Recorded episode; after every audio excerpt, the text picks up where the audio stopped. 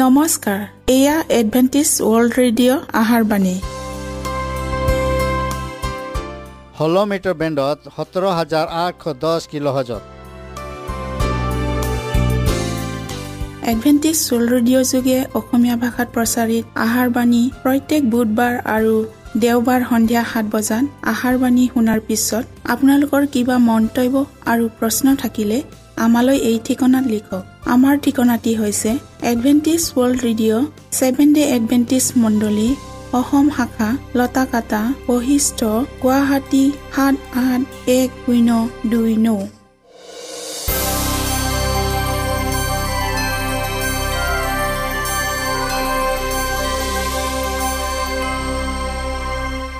প্ৰিয় শ্ৰোতা বন্ধুসকল এতিয়া শুনো আহক এটি খ্ৰীষ্টীয় ধৰ্মীয় গীত।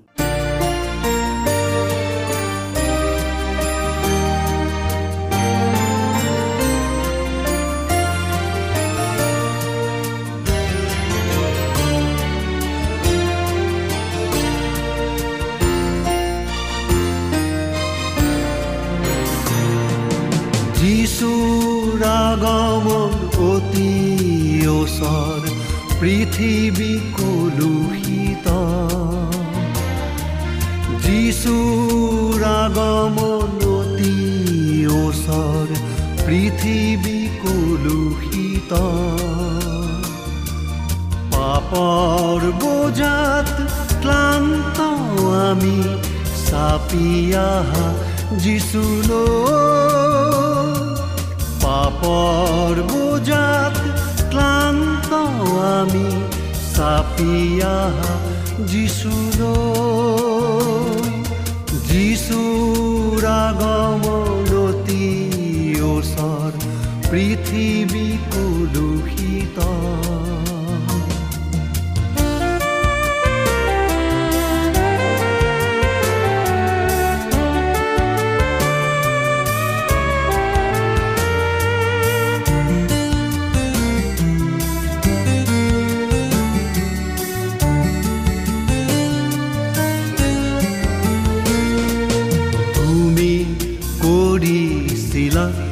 প্ৰতিজ্ঞা শেষৰ কালত তুমি বৰষাবা পবিত্ৰ আত্মা মানৱনে।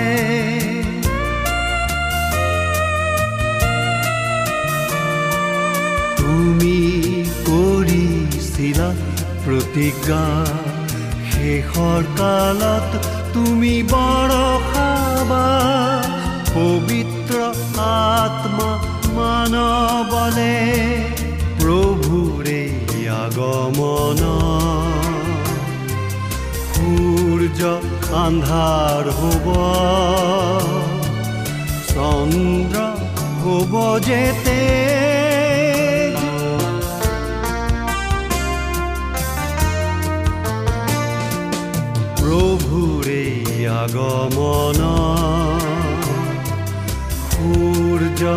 আন্ধাৰ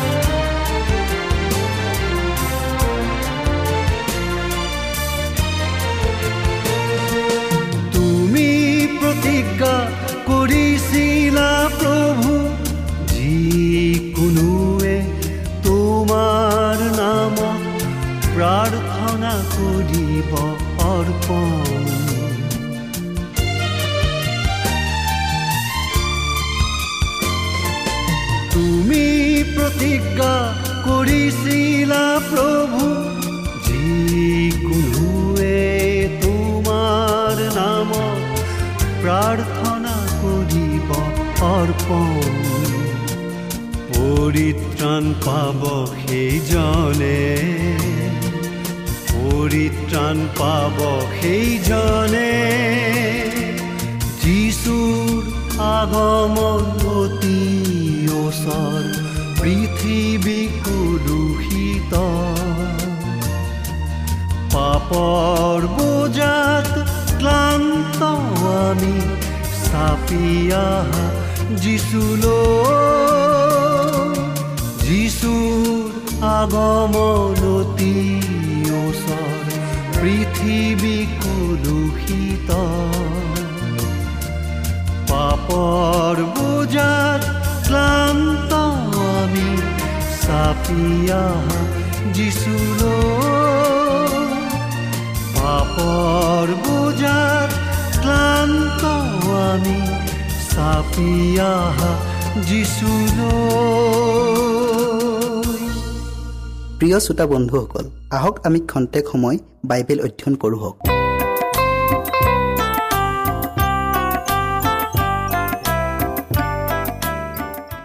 ঈশ্বৰৰ পবিত্ৰ বাক্যই কৈছে যি যি কাৰ্য তোমাৰ হাতত পৰে তাক যত্নেৰে কৰিবা।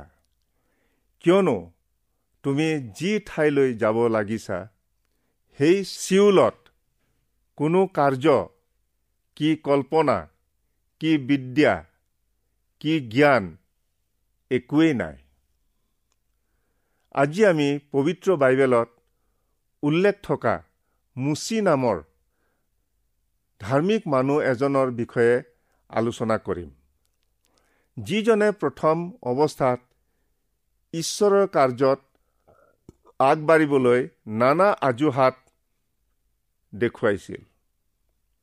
শাস্ত্ৰত এইদৰে লিখা আছে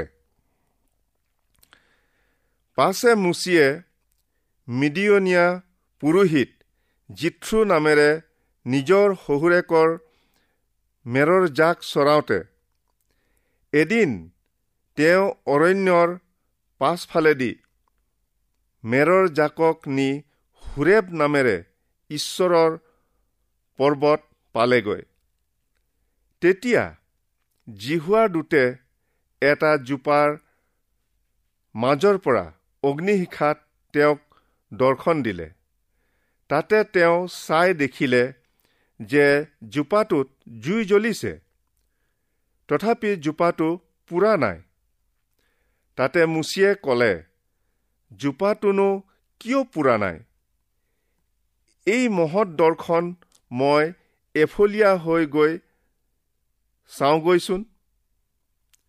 কিন্তু চাবৰ নিমিত্তে তেওঁক যেতিয়া জিহুৱাই এফলীয়া হৈ যোৱা দেখিলে তেতিয়া জোপাৰ মাজৰ পৰা ঈশ্বৰে তেওঁক মাতি ক'লে হে মুচি হে মুচি তেওঁ ক'লে চাওক মই আছোঁ। পাছে জিহুৱাই ক'লে ইয়ালৈ চাপি নাহিবা। তোমাৰ ভৰিৰ পৰা জোতা সুলকোৱা কিয়নো তুমি যি ঠাইত থিয় হৈ আছা সেয়ে পবিত্ৰ ভূমি। তেওঁ আৰু ক'লে মই তোমাৰ ওপৰ পিতৃবিলাকৰ ঈশ্বৰ। আব্ৰাহাম ইছাহাক আৰু জাকুবৰ ঈশ্বৰ। তাতে মুচিয়ে নিজ মুখ ঢাকিলে। কিয়নো তেওঁ ঈশ্বৰলৈ চাবলৈ ভয় কৰিলে। পাছে জিহুৱাই ক'লে মিছৰত থকা মোৰ প্ৰজাবিলাকৰ দুখ মই নিশ্চয়ে দৃষ্টি কৰিছোঁ।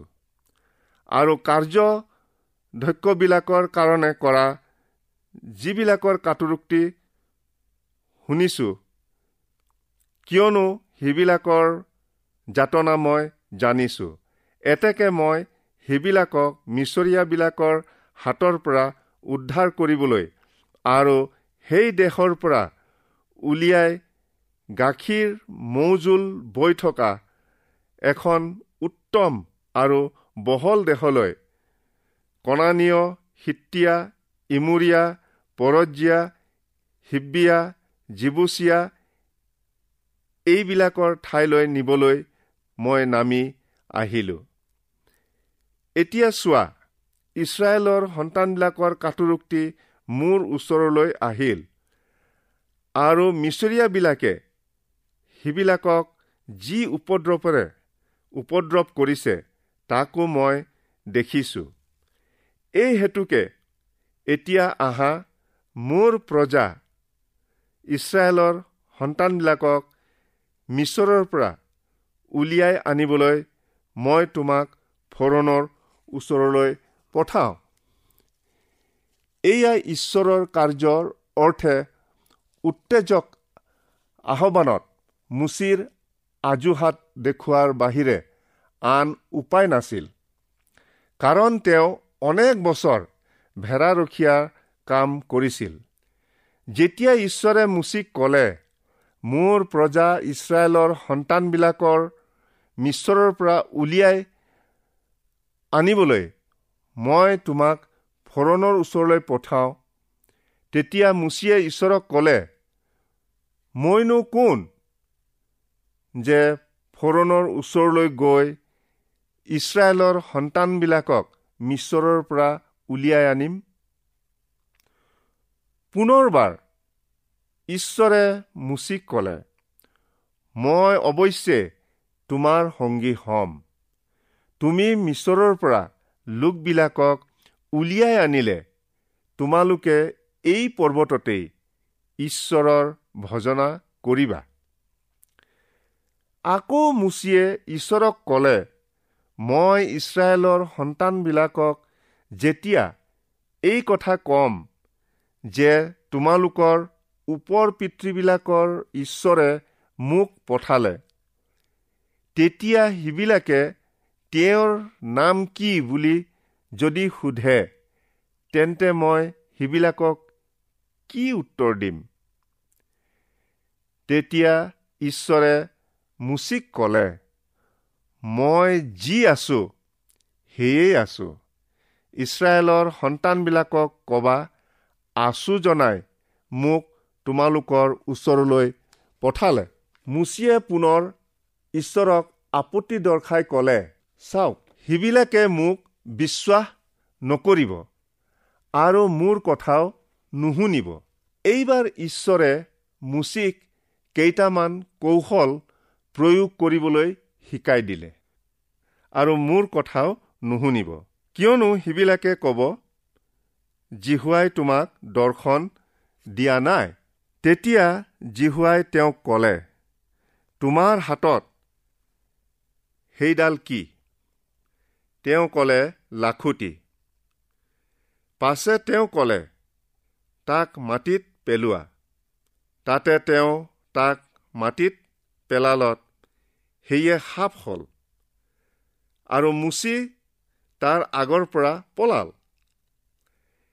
তেতিয়া জিহুৱাই মুচিক ক'লে সিবিলাকৰ ওপৰ পিতৃবিলাকৰ ঈশ্বৰে আব্ৰাহাম ইছাহাক আৰু জাকুবৰ ঈশ্বৰ জিহুৱাই যে তোমাক দৰ্শন দিলে ইয়াক সিবিলাকে বিশ্বাস কৰিবৰ নিমিত্তে তুমি তোমাৰ হাত মেলি তাৰ নেগুৰত ধৰা।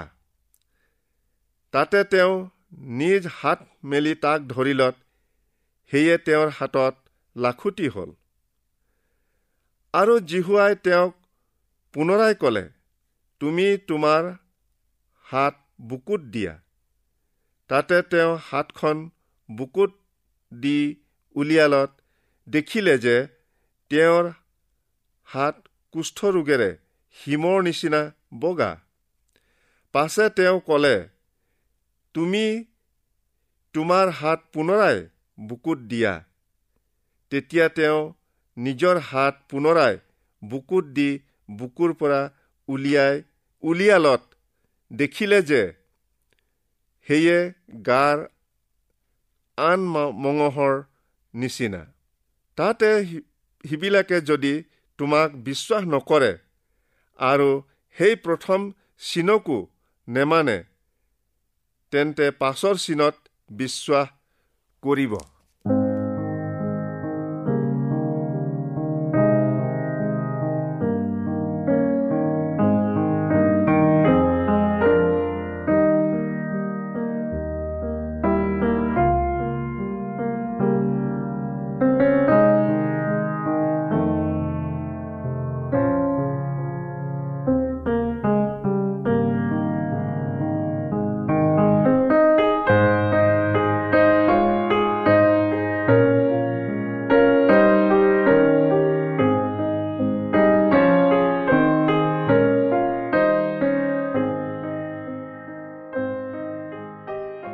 ঈশ্বৰে মুচিক ইমান আশ্বাস দিয়া স্বত্তেও পুনৰাই অভিযোগৰ সুৰেৰে ক'লে হে মোৰ প্ৰভু মিনতি কৰিছোঁ মই বাকপটু নহওঁ।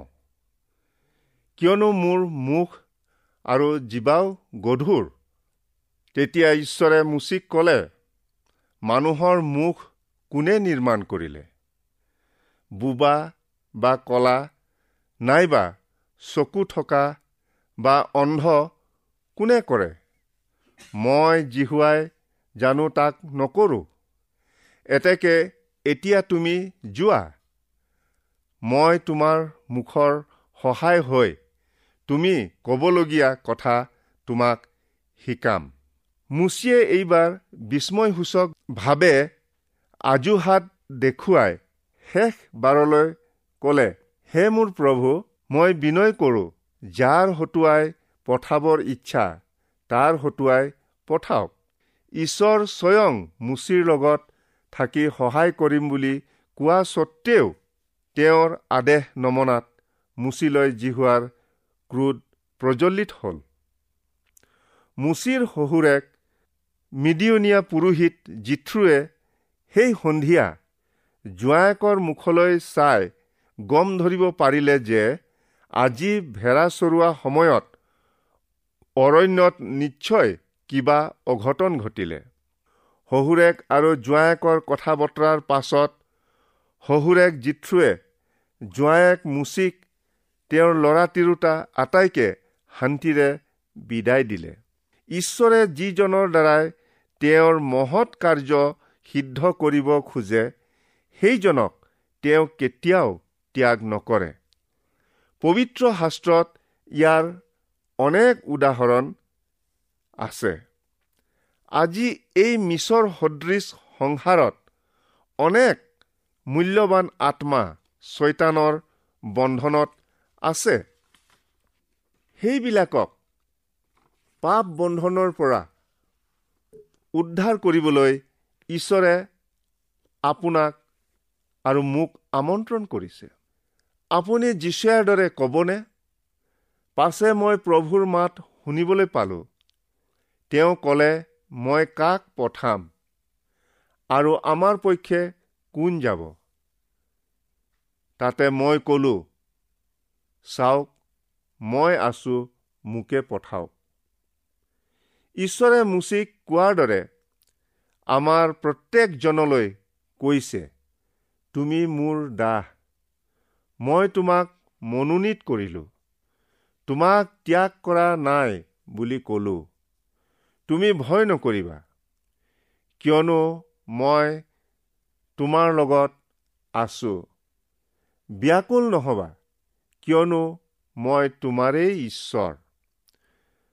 মই তোমাক শক্তি দিম। তোমাক সহায়ো দিম।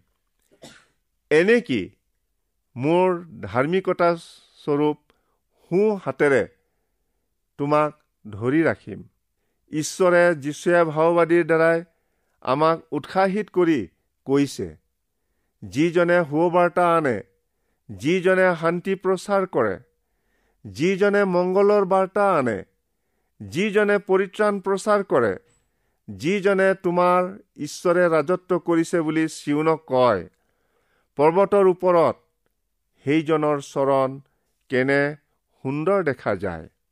বাইবেলৰ যুগৰ আটাইতকৈ প্ৰধান ধৰ্ম প্ৰচাৰক পৌলৰ জীৱনটোলৈ চাওঁ হওক। তেওঁ প্ৰথম অৱস্থাত খ্ৰীষ্ট বিশ্বাসীসকলক প্ৰতি দুৰ্ঘোৰ তাৰণাকাৰী আছিল। তেওঁৰ তাৰণাৰ প্ৰকোপত তিষ্ঠিব নোৱাৰি বিশ্বাসীবিলাক ছিন্ন ভিন্ন হৈ পলাই আশ্ৰয় লৈছিল। পলাই গৈ আশ্ৰয় লোৱা ঠাইবোৰতো বিশেষকৈ ডমেশ্বক নামৰ নগৰত তাৰণা কৰিবলৈ যাওঁতে যীশুখ্ৰীষ্টক আদবাটতে হঠাৎ সূৰ্যতকৈও উজ্জ্বল পোহৰৰ মাজেদি লগ পাই তেওঁৰ জীৱনত মহা পৰিৱৰ্তন ঘটি মৃত্যু পৰ্যন্ত বিশ্বাসী হয় প্ৰভুৰ পৰিচৰ্যা কৰিলে। আমি পাপ অন্ধকাৰত থকা লোকবিলাকক পোহৰ বিলাওঁ হওক। কাৰণ যীশুৱে কৈছে তোমালোক জগতৰ পোহৰ।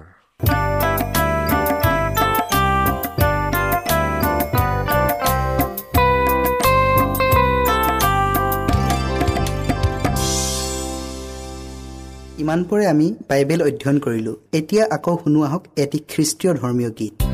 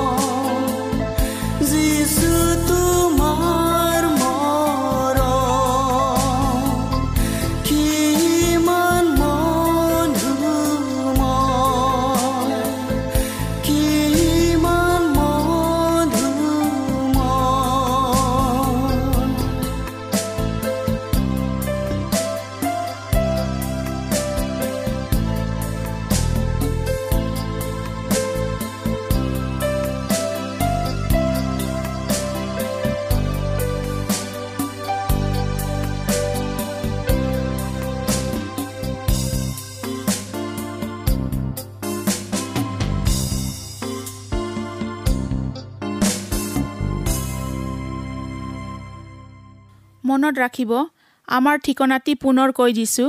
Adventist world radio' Assam region of seven day Adventist voice of hope Latakata Basistha Guwahati seven eight one zero' two nine প্ৰিয় শ্ৰোতা বন্ধুসকল এডভেণ্টিজ ৱৰ্ল্ড ৰেডিঅ' যোগে আহাৰবাণী প্ৰচাৰত আপোনালোকক পুনৰ লগ পোৱাৰ আহাৰে আজিলৈ সামৰিলোঁ। ধন্যবাদ।